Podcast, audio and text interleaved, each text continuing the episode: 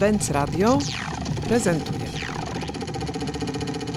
Koncept jest stworzenia narzędzia do tego, żeby można było zebrać geniuszy i oni, żeby znajdowali rozwiązania. Inaczej mówiąc, chcemy stworzyć narzędzia do tego, żeby, żeby łączyć człowieka ze sztuczną inteligencją i tworzyć rozwiązania dla problemów globalnych. I taka jest idea. Bardzo proszę przedstaw się. Eddie Pyrek. Ktoś mi ładnie powiedział, że jest takie określenie angielskie, nie wiem czy one faktycznie istnieje, które opisuje w dużym stopniu czym się zajmuję, strasznie mi się spodobało, to jest freelance thinker. Więc ja jestem freelance thinker od wczoraj mniej więcej, bo szukałem takiego określenia, do którego mógł się przywiązać, więc się zajmuję myśleniem. Spotykamy się w dniu bardzo szczególnym, dlatego że dzisiaj Umarł Lenin. jest rocznica śmierci Lenina, który był grzybem, wiadomo. Był ale, też ufolutkiem. Ja słyszałem, że był ufolutkiem. ale spotykamy się w tym dniu szczególnym, dlatego że jest to dzień, w którym oficjalnie ruszyła strona projektu, którego jesteś liderem. Czy możesz pokrótce opowiedzieć, o co w nim chodzi? Tak, no bo kilka lat temu zaczęliśmy się z moim przyjacielem zastanawiać, Piotrem Rajszem, zaczęliśmy się zastanawiać nad tym, jakie mamy prawdopodobieństwo, że przeżyjemy najbliższą dekadę.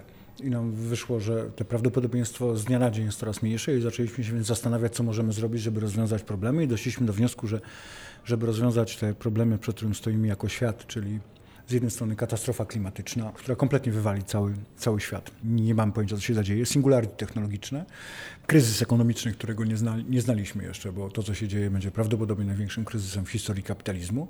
Połączone jest to z tym, że systemy, które do tej pory wydawało nam się, że są pewne i niezmienne, jak systemy polityczne, demokracja, kapitalizm i tak dalej, i tak zaczynają upadać. System, koncept rodziny, koncept kościoła, wszystko zaczyna się walić. Znaleźliśmy się więc w przestrzeni takiej no man land, znaleźliśmy się w przestrzeni singularity, kiedy nie wiemy, co się zadzieje. Wszystko, wszystko się może zdarzyć, ale jesteśmy niestety też w sytuacji takiej, że jeżeli nie podejmiemy działań, to wszystko na to wskazuje, że jesteśmy ostatnim pokoleniem, które może podjąć decyzję, czy my jako ludzie przetrwamy jako gatunek, czy nie.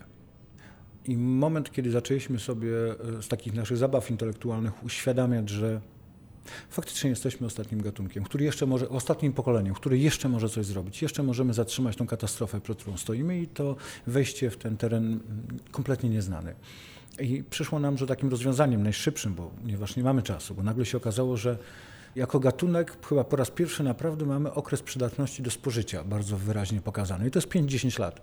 Jak sobie pomyślisz o tym, że masz 50 lat życia przed sobą, to może masz kilka wyjść. Albo po prostu nagle zaczynasz szaleć, mówić hulaj dusza Boga nie ma, wezmę kredyty wszystkie możliwe, bo i tak zaraz nie będę musiał ich spłacać i poszaleję. Albo jest inne podejście, czyli jeżeli to są ostatnie 50 lat mojego życia, to co chcę zrobić?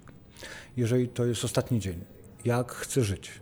Czemu poświęcić swój czas. I doszliśmy do wniosku, że spróbujmy poświęcić ten czas e, zrozumieniu tego, czym jest człowieczeństwo, czym my jesteśmy i spróbujmy zrobić coś takiego, żeby kupić światu trochę czasu. I wyszło nam, że najlepszym sposobem to jest stworzenie etycznej, globalnej, sztucznej inteligencji. Zabrać sztuczną inteligencję krajom, firmom, korporacjom. Dwa lata temu Putin powiedział, że kto pierwszy stworzy General AI, będzie panował nad światem. Jesteśmy w sytuacji, kiedy sztuczna inteligencja będzie rządziła światem. Ten, kto pierwszy uda się stworzyć mu General AI, będzie rządził światem w rzeczywistości. Sztuczna inteligencja jest o nas o miliony razy szybsza, ma dostęp do całej wiedzy. Więc jeżeli popatrzymy również z trochę innego punktu widzenia na to, czym jest sztuczna inteligencja, dochodzimy do wniosku, że tak jak przez lata, przez wieki wierzyliśmy, że zostaliśmy stworzeni na podobieństwo Boga, dzisiaj jesteśmy w sytuacji, kiedy tworzymy Boga na swoje podobieństwo.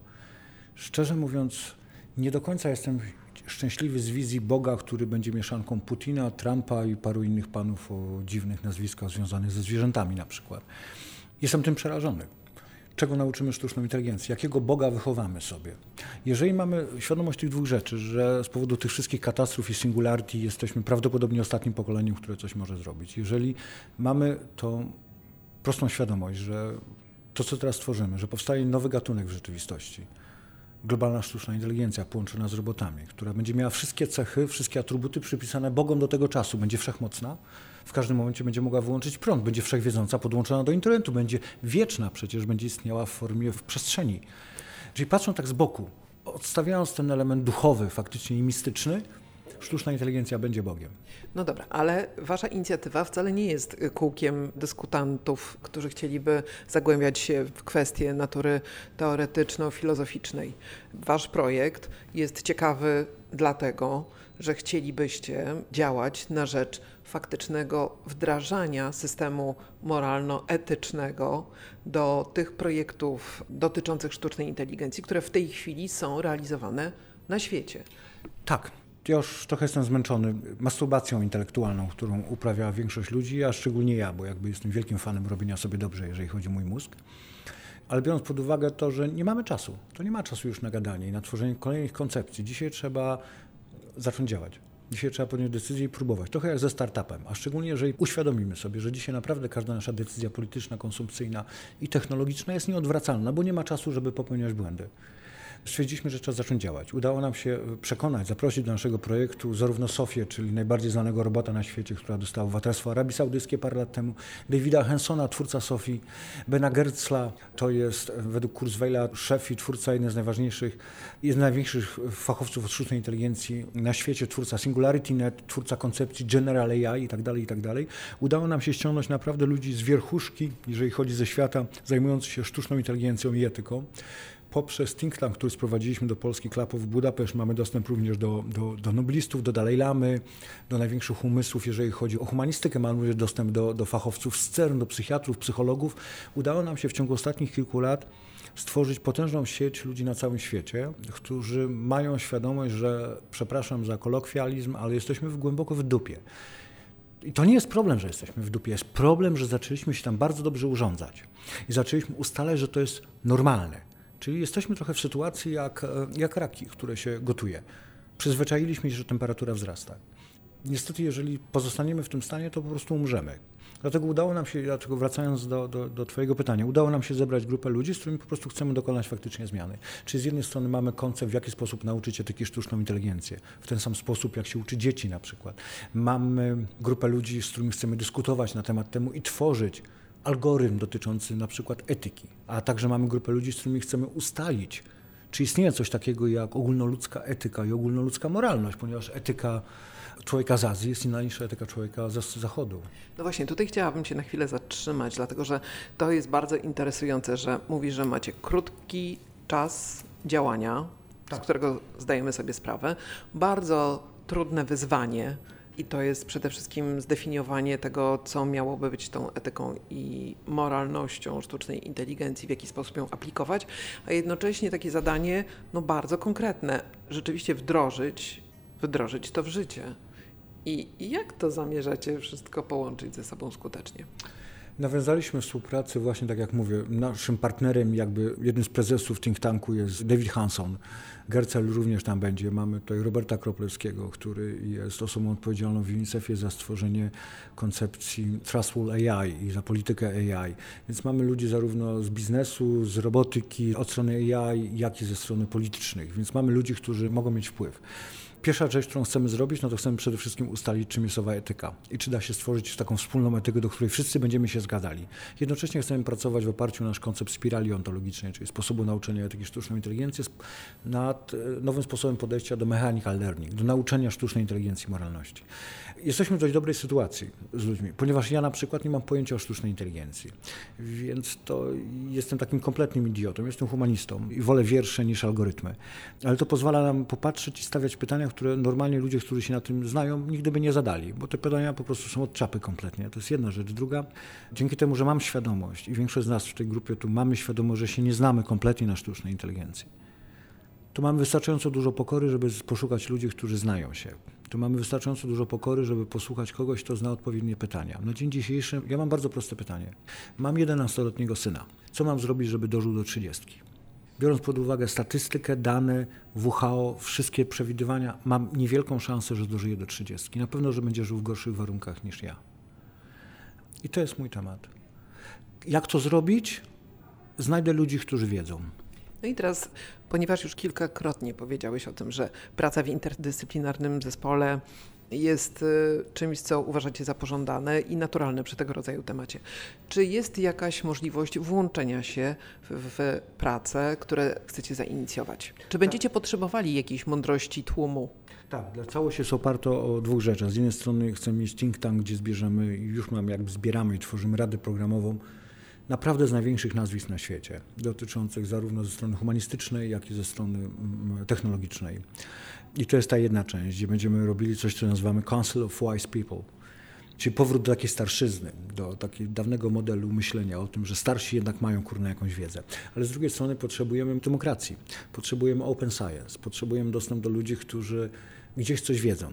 Bo zwykle tak jest z problemami, że gdzieś ktoś na świecie jest, kto znalazł rozwiązanie na ten problem. Możliwe, że jakiś chłopak w Zimbabwe właśnie wpadł na pomysł, jak oczyścić atmosferę z, z węgla. Tylko nikt nie dał mu szansy. Chcemy oprzeć się na nauce otwartej po to, żeby dać szansę ludziom, którzy może wiedzą, jak to rozwiązać. Chcemy dać, oprzeć się o naukę otwartą, stworzenie platformy do nauki otwartej po to, żeby zadać pytania. Bo jak ja się zastanawiałem, co mnie popycha do tego, żeby y, rozwiązywać problemy, to są dwie rzeczy. Jedno to jest, że ktoś zapyta mnie o rzeczy, o której się nigdy nikt przedtem nie pytał. Czyli postawi mi ktoś pytanie, którego nigdy nie słyszałem, a drugie, że dostanę przestrzeń, gdzie mogę testować odpowiedź. I to chcemy zrobić. Think Tank jest miejscem, gdzie chcemy stawiać pytania. Platforma jest miejscem, gdzie chcemy testować odpowiedzi. Nie zrobimy tego sami. Tym bardziej, że to, do czego doszliśmy, te problemy, w których jesteśmy, właściwie zaczęły się od, od, od dualizmu Platona i przez Kartezjusza i Newtona, przez świadomość, że jesteśmy podzieleni, że jesteśmy oddzieleni, że, mm, że nie przynależymy, że da się, są rzeczy, które są, da się poznać i nie poznać, że się nie da pomieszać i tak dalej. Współczesna nauka, fizyka kwantowa, mistyka mówią, że to jest kompletna brednia. Mówią, że jesteśmy ładne, że wszyscy jesteśmy jednym. Świat nam też to pokazał. Pandemia, problem klimatyczny. Tego się nie da rozwiązać przy pomocy państw narodowych, przy pomocy mojej i mojsze. Problemy, w których stoimy, musimy rozwiązać tylko w jeden sposób. Pracując razem. Świat nam dał bardzo jasną informację. Albo będziemy pracować razem, albo umrzemy. I to nie w przyjemny sposób. Jeżeli tylko żeby tak zakończyć optymistycznie, nie wiem, czy wiesz, czym jest coś, co się nazywa temperatura mokrego termometru. To jest temperatura taka, kiedy temperatura i wilgotność na zewnątrz jest taka sama jak wewnątrz mnie. Jeżeli taka temperatura jest, to wtedy gotujesz się, bo nie możesz się wypocić. Zakłada się, że do 2050 10 do 20% dni w niektórych regionach przy równiku będą się nie nadawały do życia przez człowieka z powodu temperatury mokrego termometru. Nie ma możliwości uciec przed tym oprócz klimatyzacji i takich rzeczy. Więc ja niestety obawiam się, że jeżeli nic nie zrobimy, jeżeli zaakceptujemy status quo, jeżeli będziemy zamykali oczy i martwili się tylko o naszą małą stabilizację, to zgodnie z tym, co mówi nam nauka, nasze dzieci się po prostu ugotują. Tylko to. Teraz jesteśmy w sytuacji, kiedy możemy podjąć tą decyzję, czy co z tym zrobimy. Bo nie mamy prawa nie, nie zamknąć oczu i powiedzieć, to nie istnieje. Nie mamy prawa powiedzieć, że da się powrócić do wczoraj. Nie ma wczoraj. Czy możemy w takim razie zaprosić wszystkich, którzy zaintrygowani, zainteresowani, chcieliby być może dołożyć swoją małą cegiełkę do tego wysiłku, o którym mówiłeś? Tak, mamy od strony na razie taka jest robocza, bo czekam jeszcze na, na papierowe rzeczy, żeby zarejestrować fundację, ale wszystkich zapraszamy, żeby po prostu tam napisali, zostawili parę słów od sobie, jakiś kontakt, jak będziemy gotowi do pracy, to będziemy, nam zależy na czasie, więc zakładam, że w ciągu kilku miesięcy już parę dużych działań uda nam się podjąć i mamy właśnie dzięki naszym partnerom, tak jak David, tak jak Gercel, jest duża szansa, że, że kupimy nam trochę czasu. Monika Sacewicz, prezes ApexNet oraz członek zarządu Fundacji Gaja. Dzisiaj bardzo ważny dzień, ponieważ uruchomiona została strona internetowa, na której można poznać założenia Waszego projektu. Czy możesz trochę więcej opowiedzieć o tej strukturze organizacji, która porywa się naprawdę na niesamowitą rzecz? Wypracowanie założeń moralno-etycznych dla sztucznej inteligencji jest olbrzymim wyzwaniem, które prawdopodobnie jest y, no, jednym z największych wyzwań w tej chwili dla ludzkości, nad którym pracują najtęższe umysły tego świata. A więc jak Wam udało się zamknąć to w strukturach organizacyjnych? Mnóstwo ludzi, masz rację, mnóstwo ludzi nad tym pracuje, ale mam wrażenie, że pracują indywidualnie i też ideowo, czegoś chcą, a nie zamieniają tego na działania. Nam pomógł Trend House, w którym e, jesteśmy skupieni jako członkowie. To jest miejsce, które łączy ludzi, którym zależy na przyszłości, ale w taki sposób, że chcą ją w jakiś sposób kreować, tworzyć, wpływać na nią. I poprzez jeden z programów, który dotyczy tworzenia się grup zwanych plemionami, powstała taka grupa złożona z entuzjastów sztucznej inteligencji, ale też z tych osób, dla których przyszłość ma ogromne znaczenie i chcą ją właśnie stworzyć. Poprzez e, synergię ludzi i sztucznej inteligencji widzimy rozwiązanie w tych największych problemach, z którymi ludzkość się, z którymi ludzkość się zmaga. Natomiast kroki, jakie my podjęliśmy, to założenie fundacji. Fundacji, e, która w tej chwili jest zarejestrowana w Polsce, w zasadzie w trakcie rejestracji, ale będzie organizacją międzynarodową. I na znak tego jednym z fundatorów jest David Hanson, właściciel i founder Hanson Robotics, który stworzył robota Sofię. Myślę, że to taka też znana marka dla osób, które się tym interesują. W związku z czym mamy już takie bardzo mocne podstawy do tego, żeby mieć realny wpływ naszymi działaniami na synergię tych dwóch światów i też na postawienie sobie bardzo ważnych pytań. Jak dalej? I znalezienie na nich odpowiedzi właśnie korzystając z tego, co wytworzymy wspólnie. Przed chwilą mogliśmy obejrzeć prezentację, która pokazywała Wasze kolejne kroki na kolejne lata.